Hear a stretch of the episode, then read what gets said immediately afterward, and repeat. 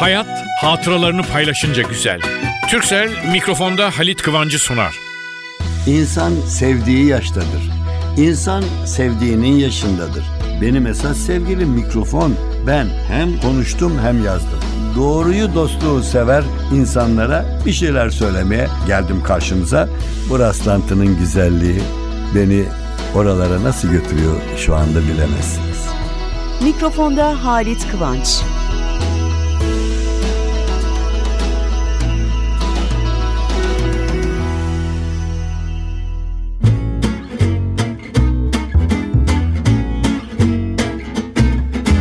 Merhaba sevgili dostlar. İyi ki şu radyo var. Her hafta ben size sesleniyorum, mutlu oluyorum.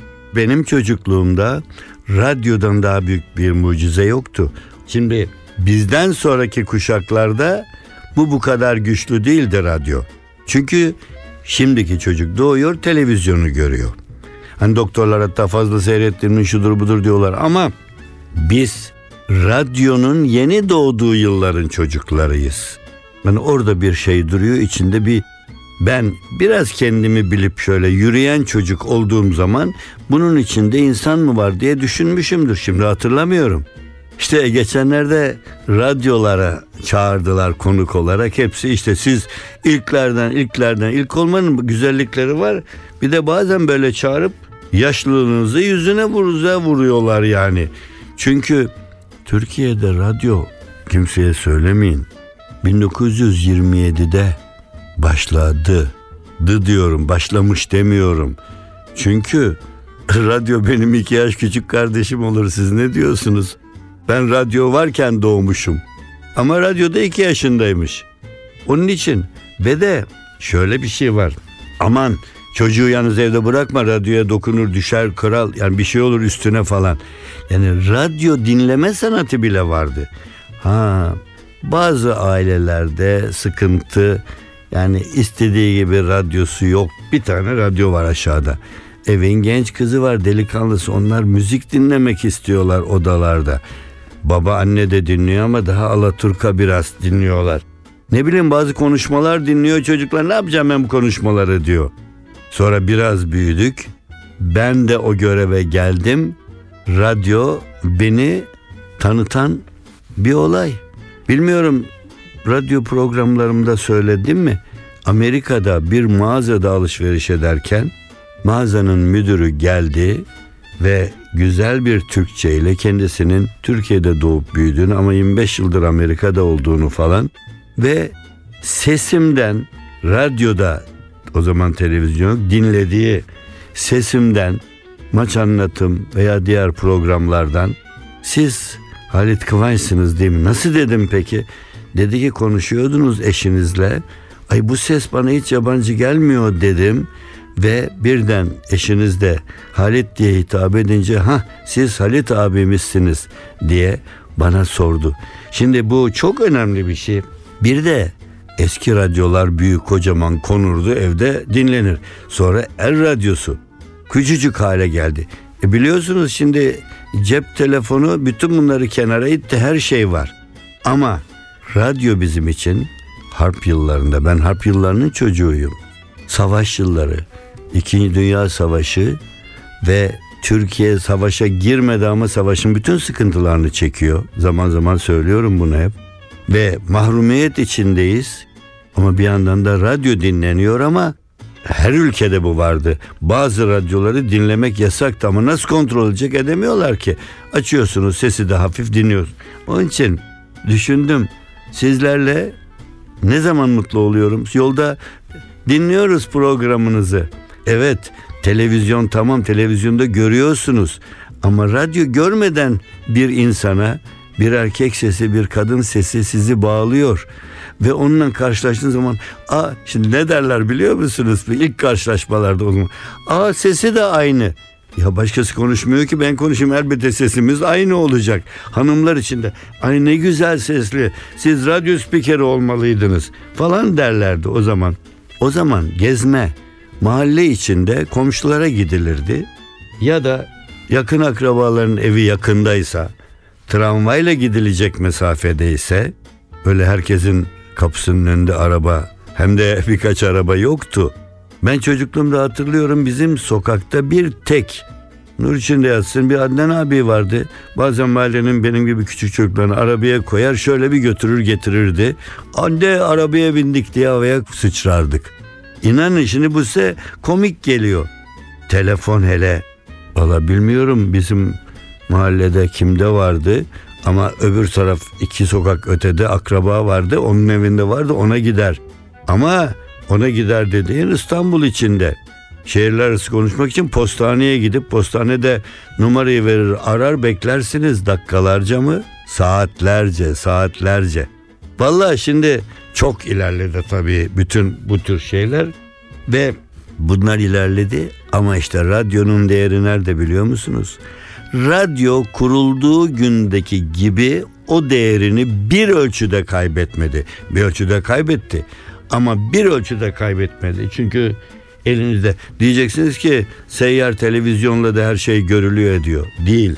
Sesin tek başına ulaşması daha kolay her zaman için. Televizyon elbette gösteriyor fakat elektrik kullanması şu bu. Yani ne derseniz deyin radyo televizyona evet sen benden büyüksün diyor ama televizyonda yok radyo kardeşim sen de ol sen de bu dünyaya lazımsın diyor. Ben böyle görüyorum bilmiyorum siz ne dersiniz? Bir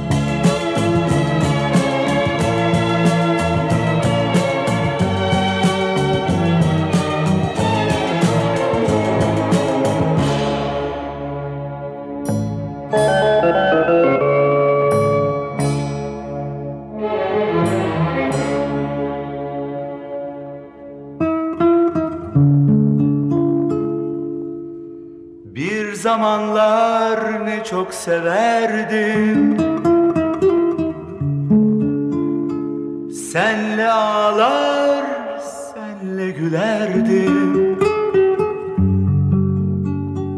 Aşka yalan diyen olsa Bakar güler de geçerdim. NTV Radyo Bir zamanlar ne çok severdim. Senle ağlar, senle gülerdim. Aşka yalan diyen olsa Bakar güler de geçerdim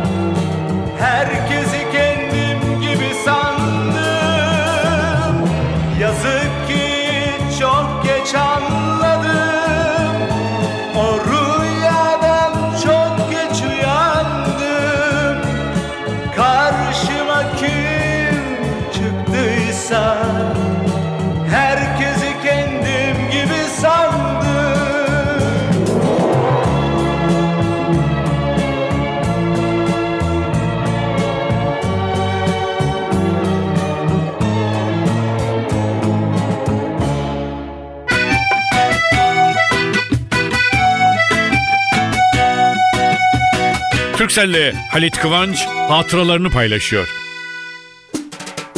Çok önemli bir toplantınız var ama tam toplantı öncesi bir telefon. Orada olmasını çok beklediğiniz bir önemli yakınınız gelemeyeceğini bildiriyor ve kapatıyor telefonu. Çok üzülüyorsunuz. Güzelim toplantının zehir olduğunu düşünürken kapı çalınıyor, açıyorsunuz. Az önce mazereti nedeniyle gelemeyeceğini bildiren yakınınız karşınızda. Muzip muzip gülüyor tatlı sürprizinden ötürü ve gelemeyeceğim deyip sizi kandırıp gelmiş. Nasıl mutlu oluyorsunuz o anda? Tarif bile edemezsiniz. Çünkü çünkü hayat sürprizleri paylaşınca da güzeldir. Hem de çok güzeldir. Evet, hayat paylaşınca her zaman her zaman güzeldir.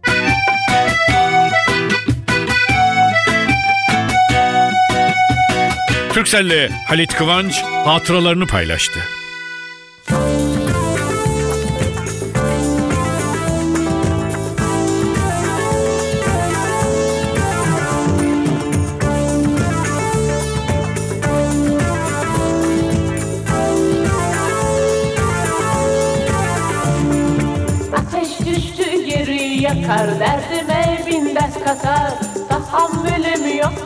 Kalmadı Benden artık bu kadar. Ateş düştü yeri yakar Çıkar o kalbi kopar. Çektiklerimi bir bilsen Sayfalar dolar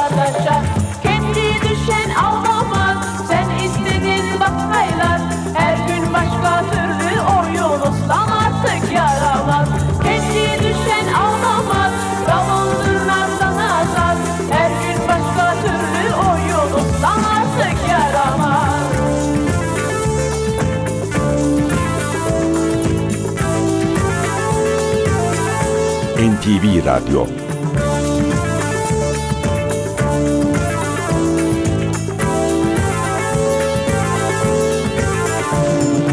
Ateş düştü yeri yakar. Sevenler bunu anlar. Dikkat et adımlarına. Benden artık bu kadar. Ateş düştü yeri yakar. Derdime binden kadar. Çektiklerimi bir bilsen Sayfalar dolar taşar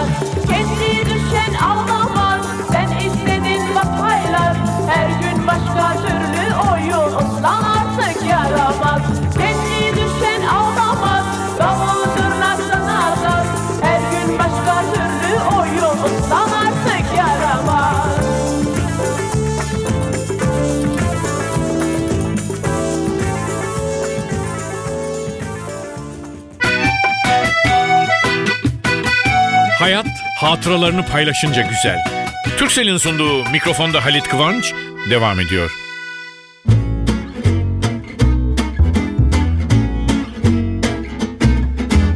Değerli dinleyenlerim, sevgili dostlarım. Şimdi evlatlarım, kardeşlerim, yavrularım artıyor. Şimdi benden yaşlı olanları zaten ben hani bilirim, tanırım. Akranlarım olanlara da sevgili kardeşlerim, dostlarım falan diyorum. Şimdi en güzeli dinleyenlerim diyoruz çünkü biliyorsunuz dünya o halde ki kimse birbirini dinlemiyor. Eskiden böyle Birleşmiş Milletler falan toplanır, büyük meclisler. Her devletin kendi parlamentosunda da memleketin büyükleri dinlenirdi. Şimdi birbirlerini de dinlemiyorlar. Dedikodu yapmayı sevmem ama bu gerçek. Ama ben yalnız dinleme değil, gazete okurken kim ne demişlere de bakıyorum ve bunların içinden hoşuma gidenleri alıyorum, kesiyorum. Eşime dostuma söylüyorum. En başta eşlerim, dostlarım sizlerseniz onun için kesiyorum gazeteden. Aman bunu diyorum dinleyicilerime hemen ileteyim. Geçen gün bir gazete kocaman bir sayfa benim için Mevlana. Mevlana o büyük düşünür. Ne bileyim yani ben Mevlana'yı benim dedelerimden biri olarak kabul ediyorum ve saygıyla anıyorum ve bir yerde bir kitabını, bir sözünü gördüm mü hemen ve sormuşlar memleketimizde sizin de bizim de tanıdığınız benim çoğu dostlarım, evlatlarım var içinde. Arkadaşlık ettiğim meslektaşlarım var. Benim için Mevlana'ya sormuşlar Mevlana sizin için nedir? O da benim için demiş. Kenan Işık diyor ki Mevlana benim için dünyanın huzuru, dünyanın özgürlüğü, dünyanın adaleti, dünyanın eşitliği için uğraşmış en önemli mütefekkirlerden biridir. Güzel söyler, güzel çalar kıraç. Diyor ki benim için Mevlana bilgeliğin kapısıdır. Bize ait değerler içerisinde belki de en değerli olanıdır diyor. Yine bir müzik ustası, bir konuşma ustası, çok sevdiğim bir değerli kardeşim Zülfü Livaneli. Zülfü diyor ki, benim için Mevlana alemleri yüreğine sığdıran, mucize mısralarıyla insanlık tarihine nefes aldıran, zaman ve mekan ötesi bir söz, mana, inanç önderi, dünya tarihinin en büyük hümanistlerinden biri. Çok güzel yine tiyatroda, dizilerde bir büyük isim, bir sevgili dost Çetin Tekindor. Mevlana'yı şöyle kendisi için anlatmış. Mevlana benim için diyor, aşkın da çeşmesi, aşkın cevheri, neylerin sesi, ruha hitaptır neyzen nefesi. Mevlana'nın neyzenler neyidir neyi kulaktan içiyor aşıklar meyi dizeleridir. Vatan Şaşmaz gayet kısa söylemiş. Benim için Mevlana eksiklerimin tamamlandığı yerdir demiş. Hazım Körmükçü tek sözcükle ifade etmiş. Mevlana benim için nefestir diyor. Devam edeyim değil mi? Allah bizim tatlı tatlı evladımız Okan Bayülgen. Okan Bayülgen senin için Mevlana nedir demişler. O da demiş ki bugünkü halimizin tarifidir. Sağ ol sağ ol. Evet Ferhat Göçer üç sözcükle özetlemiş. Mevlana demiş benim için huzurdur, barıştır, aşktır. Gene sevgili dostlarımdan Ferhat Göçer gibidir değerli müzik adamı İlan Şeşen aynen şöyle konuşmuş. İçimdeki aşk ölmediyse hala sebebi sensin Mevlana dediğim insandır. Muazzez Ersoy şöyle özetlemiş. Çok büyük bir aşk ve bütün dünyayı kapsayan büyük bir ayna. Mevlana onun için böyle. Mesut Yar benim için diyor inancın sınırlarının hiç olmadığını bize gösteren büyük bir alimdir. Kubat ise şöyle konuşmuş. Mevlana dünyanın büyük filozof olarak hayranlık duyduğu Müslüman aleminin şüphesiz büyük tasavvuf ehlidir. Mevlevi müziği ve ayinleriyle de inançtaki estetik açıdır. Valla şöyle bak kağıdında duyuyorsunuz şöyle kenara koyuyorum.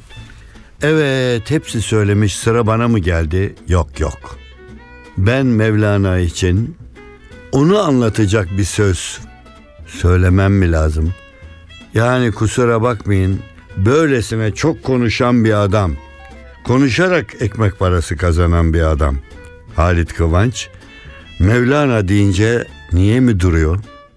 Mevlana benim için o kadar büyük, o kadar büyük ki söylediği sözlerden o kadar ışık aldım ve o ışığa yürümeye çalıştım ki Mevlana düşüncelerine hepimizi çağıran bir büyüğümüz desem olur mu acaba? Yok yok ben girmeyeyim bu işlere. Mevlana gene benim kalbimdeki büyük insandır.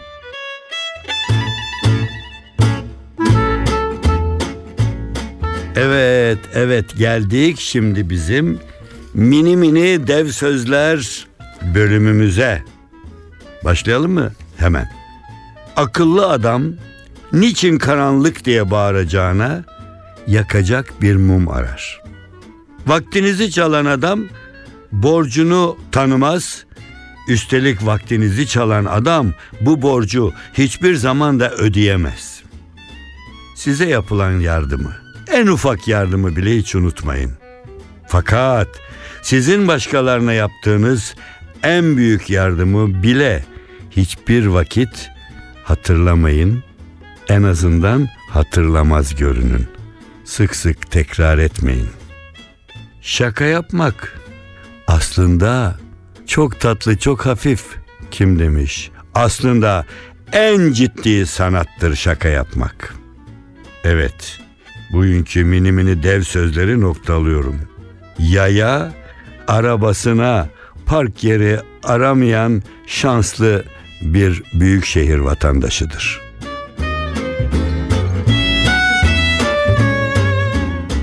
Şimdi bakın, fıkra anlatmak sanattır derler. Efendim neymiş? Fıkrayı öyle bir anlatılmış ki bilmem ya. Tamam. İyi anlatan kötü anlatan vardır. Ama fıkranın esprisi güçlü ise o zaten güldürür insanları. Şimdi bir de bana çok komik gelen size gelmeyebilir. Sizin içinizden üçüne çok tatlı gelen fıkra içimizdeki başka beş kişiye de hiç öyle gelmeyebilir. Onun için fıkra seçmede çok zorlanıyorum.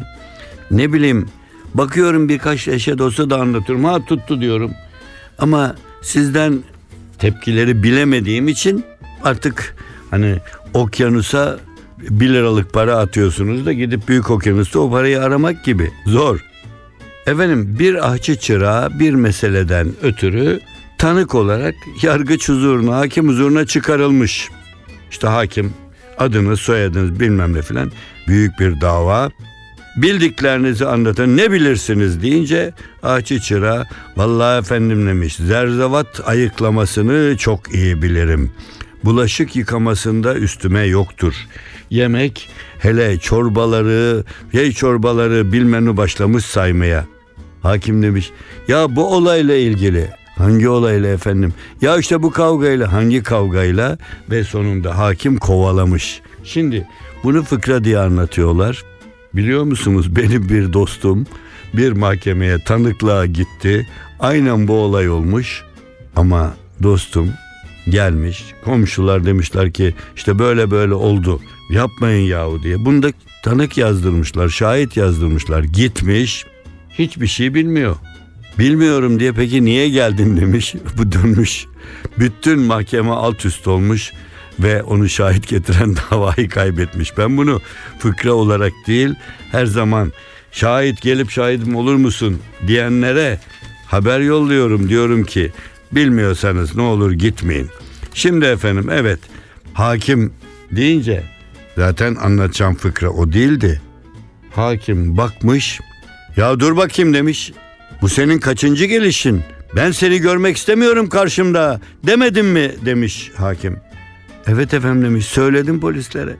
Hakim bey beni görmek istemiyor ama gene yakalayıp getirdiler karşınıza ne yapayım yani.